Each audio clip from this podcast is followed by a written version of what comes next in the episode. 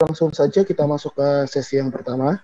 Sesi pertama ini topik pertama yang kita bahas adalah mengenal hasil pemeriksaan rapid test dan PCR yang akan dibawakan oleh Pak Ferdinandus Krishna Bukan MSc, MSI, MSc. Uh, beliau memiliki kepakaran di biomolekuler yang sudah banyak berkecimpung di banyak penelitian, uh, termasuk di Badan Tenaga Nuklir Nasional dan dia juga pernah melakukan penelitian di mik mikro RNA UGM dan sekarang beliau adalah staf pengajar tetap di Universitas Sugio Pranoto, Universitas Katolik Sugio Pranoto. Uh, Pak Ferdinandus, Mbak Ferdi, apakah sudah terhubung Pak? Uh, ya, sudah terhubung, terhubungan ya. Oke, sudah terhubung ya Pak. Uh, Pak Ferdi, waktunya 15 menit, apakah cukup Pak? Ya, uh, cukup sekali. Oke, uh, waktu dan tempat kami persilahkan Pak Ferdi.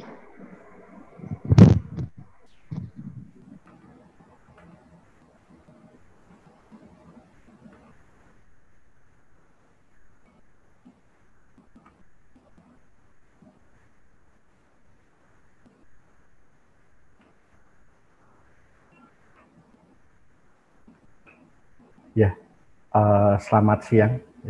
Assalamualaikum warahmatullahi wabarakatuh. Uh, salam sejahtera bagi kita semua. Uh, perkenalkan saya Ferdinandus Krisna Pukan. Di sini saya, saya sebagai uh, dosen biologi molekuler FK Unika. Saya akan menjelaskan, memberikan paparan sedikit mengenai hasil pemeriksaan rapid test dan juga uh, RT-PCR. Nah, uh, di mana ya di mana hasil uh, beberapa pemeriksaan ini digunakan oleh uh, pemerintah pemerintah kita untuk mendeteksi uh, COVID-19 ya. Uh, ketika kita ada gejala misalnya uh, demam kemudian batuk kemudian uh, kesulitan uh, pernafasan ya maka kita uh, bingung nih apa yang kalau-kalau kita menderita uh, COVID-19 ya kita nggak tahu nih Nah, tes apa saja sih yang uh, baik dilakukan, paling baik dilakukan? Lalu seperti apa sih bentuk tes-tesnya itu untuk mengetahui kita itu COVID-19 positif atau uh, COVID-19 negatif ya. Nah, uh, pada materi ini akan uh, saya ulas mengenai uh, rapid test dan juga uh, reverse transcription uh, PCR. Nah, uh, virus ya SARS-CoV-2 ya itu dia memiliki struktur ya memiliki struktur di mana ada uh, seperti uh, bola berduri begitu. Dengan duri itu adalah uh, glikoprotein ya jadi protein S jadi protein-protein yang nantinya dia akan menempel uh, di membran sel target ya. Kemudian dia juga mempunyai envelope. Nah di dalam uh, SARS-CoV-2 ini dia memiliki uh, eh, RNA ya yaitu uh, single strand RNA positif ya. Nah, seperti diketahui pada umumnya ada virus DNA, kemudian ada virus uh, RNA yang dia uh, apa namanya merupakan RNA positif dan juga negatif. Nah, uh, virus SARS-CoV-2 ini merupakan uh, virus RNA uh, positif ya. Nah, uh, virus ini ya virus ini uh, awalnya ditemukan uh, pada kelelawar ya, kemudian dia mengalami mutasi dan ditransmisikan ke uh, hewan lain selain ke kelelawar seperti uh, hewan reptilia begitu. Nah, pada hewan itu virus itu juga mengalami mutasi yang kemudian uh, ditransmisikan ke manusia ya. Jadi kalau apa namanya dibilang bahwa makan daging kelelawar yang di, dia mengandung COVID kemudian kita tertular COVID itu uh, adalah salah ya. Jadi tidak seperti itu karena uh, virus yang ada di kelawar dan virus yang ada di manusia itu uh, berbeda. Nah, virus itu akan terus uh, berkembang ya karena tingkat uh, laju mutasi virus itu sangatlah uh, tinggi. Nah, SARS-CoV-2 ini dia akan uh, masuk ya melalui saluran pernafasan ya. Kemudian dia akan uh, masuk ke dalam paru-paru ya. Nah, di paru-paru ini dia akan masuk ke alveoli.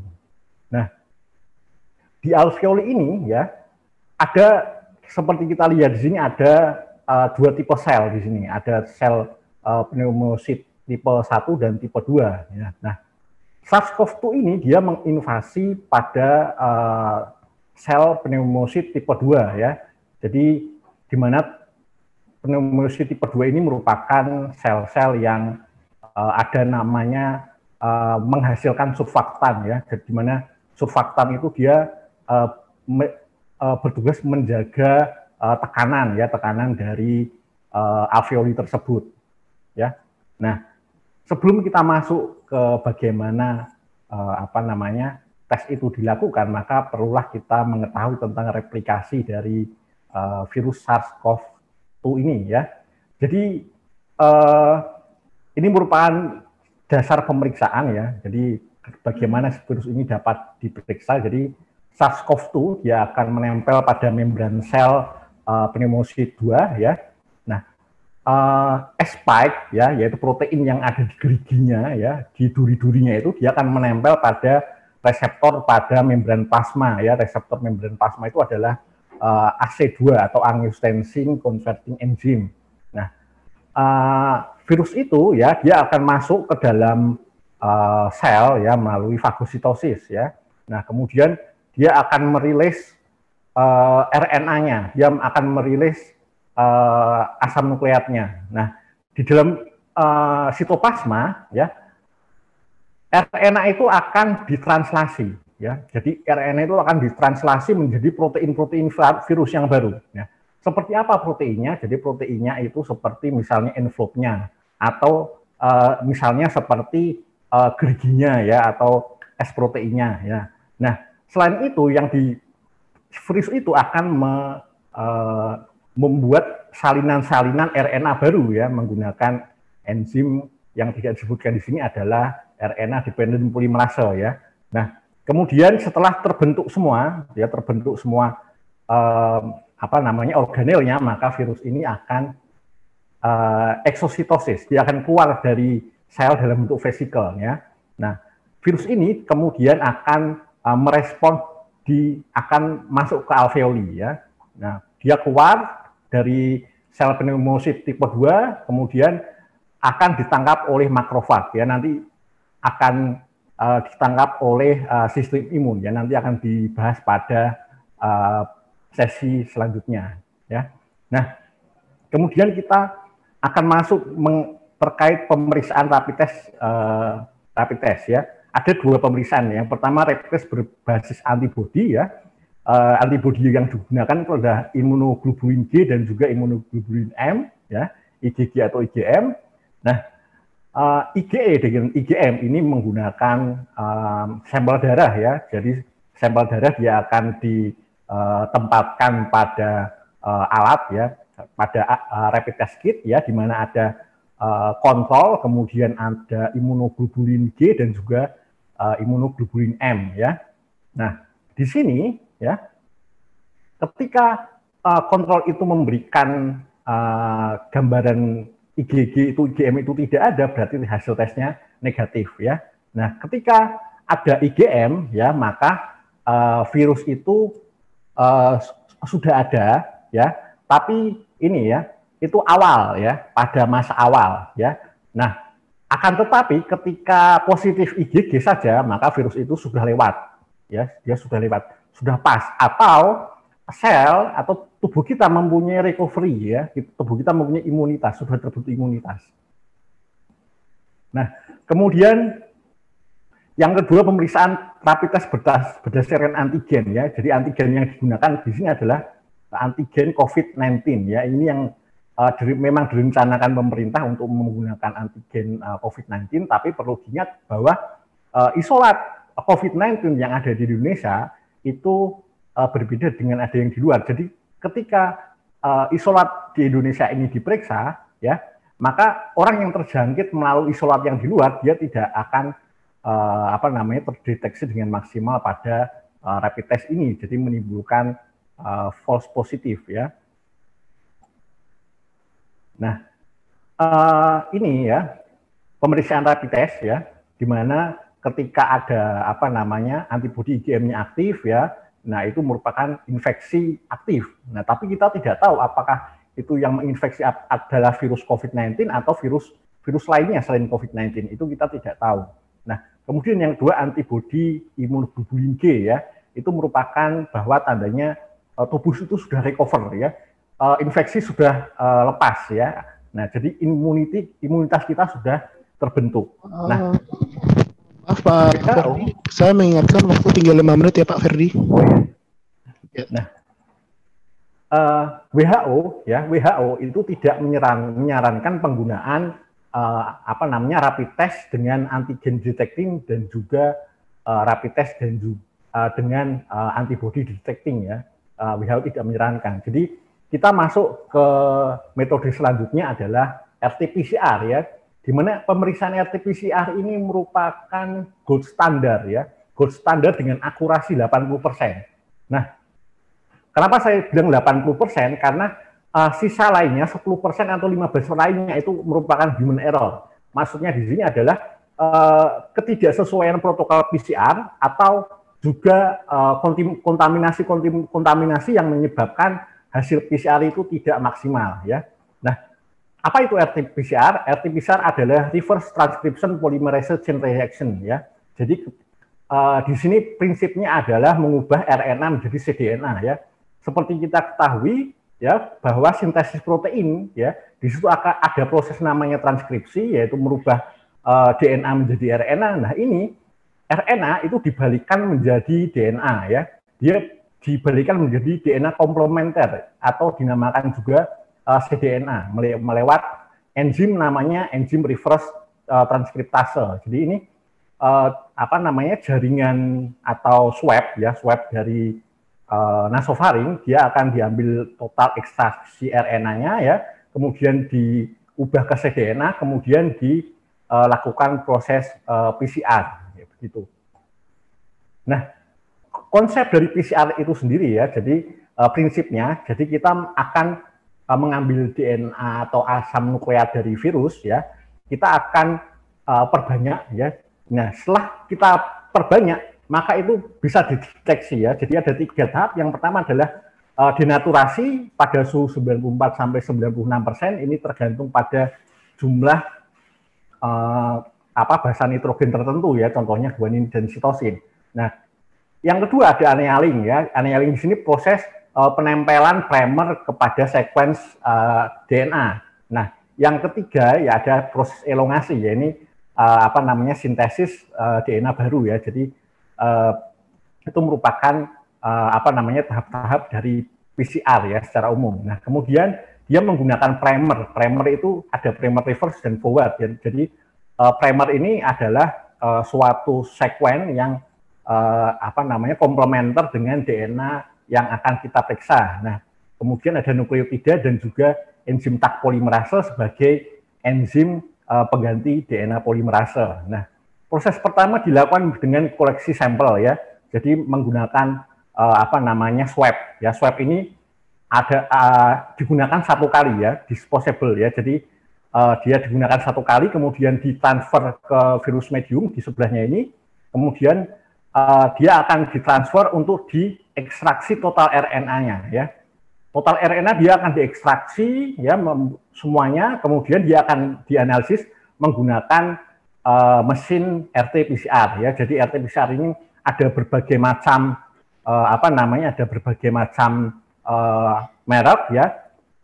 Di merek-merek itu uh, ada regen-regen tertentu ya, ada regen-regen khusus ya. Jadi uh, metode ya, setiap protokol yang digunakan pada analisis RT-PCR itu baiknya dioptimasi uh, lagi ya karena menggunakan mesin yang berbeda.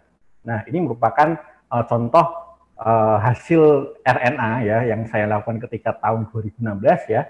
Jadi di mana uh, yang sebelah kiri merupakan kurva aplikasinya ya. Jadi harus ada uh, kontrol positif dan juga kontrol negatif ya. Tapi ketika uh, peneliti misalnya dia pertama kali ya uh, itu dia baru melakukan amplifikasi RT-PCR untuk pertama kali, maka kontrol positif bisa menggunakan dengan uh, sampel yang sudah pasti positif ya. Jadi sampel positifnya itu bisa digunakan sebagai uh, kontrol positif ya.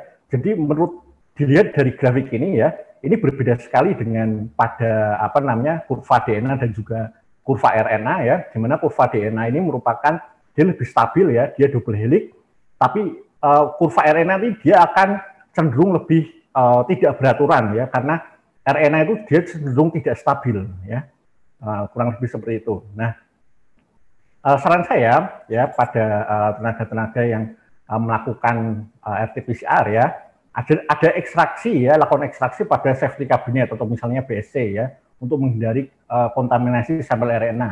Nah, uh, penggunaan RT-PCR uh, pada virus ya, ya, itu digunakan pada biosafety uh, level 3 ya. Jadi uh, di apa digunakan uh, lab, lab yang uh, levelnya uh, level 3 ya. Nah, kemudian pastikan memiliki kontrol positif dan negatif ya. Kontrol negatif ketika uh, sampel itu di uh, apa namanya uh, mohon maaf Pak Ferdi mengingatkan uh, waktu sudah habis, Pak. Oh ya, uh, sebentar lagi.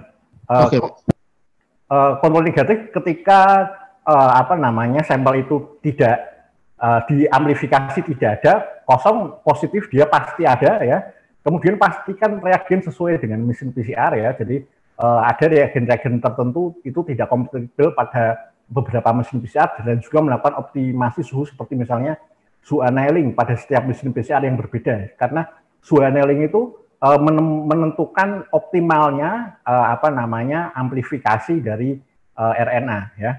Nah, sedikit saya di sini membahas mengenai apa namanya ada tiga golongan, ada OTG ya orang tanpa gejala atau kelompok tidak bergejala yang memiliki kontak riwayat dengan pasien COVID ya. Jadi OTG ini sekarang bisa jadi kita semua karena kita tidak tahu apakah kita ini melakukan kontak dengan uh, orang yang uh, di, uh, terindikasi COVID ya karena orang-orang tersebut tidak uh, melakukan tes PCR ya oleh karena itu sekarang kita diberlakukan physical distancing. Kemudian ada ODP, ada orang dalam pemantauan ya. Uh, jadi riwayatnya ada uh, demam ya, kemudian riwayat kontak dengan pasien COVID-19 ya. Ini bisa uh, kita isolasi mengisolasi di rumah ya. Yang ketiga ada PDP ya pasien dalam pengawasan ya. Dia uh, menderita ispa berat gitu. Uh, maka sebaiknya dilakukan uh, uh, rawat inap di rumah sakit rujukan uh, ketika ini dalam kategori berat ya.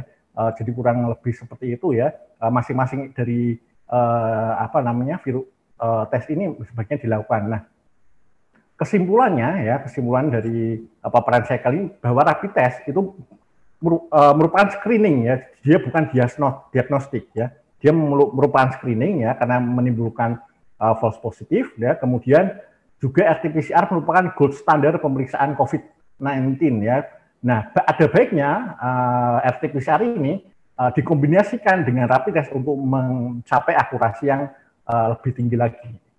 Ya, sekian dan terima kasih. Oke, terima kasih. Saya kembalikan ke moderator. Oke, terima kasih kepada Pak Ferdi atas pemaparannya. Walaupun bahasa sangat medis sekali, tapi penjelasannya bisa dimengerti oleh orang-orang awam ya Pak ya. Uh, saya...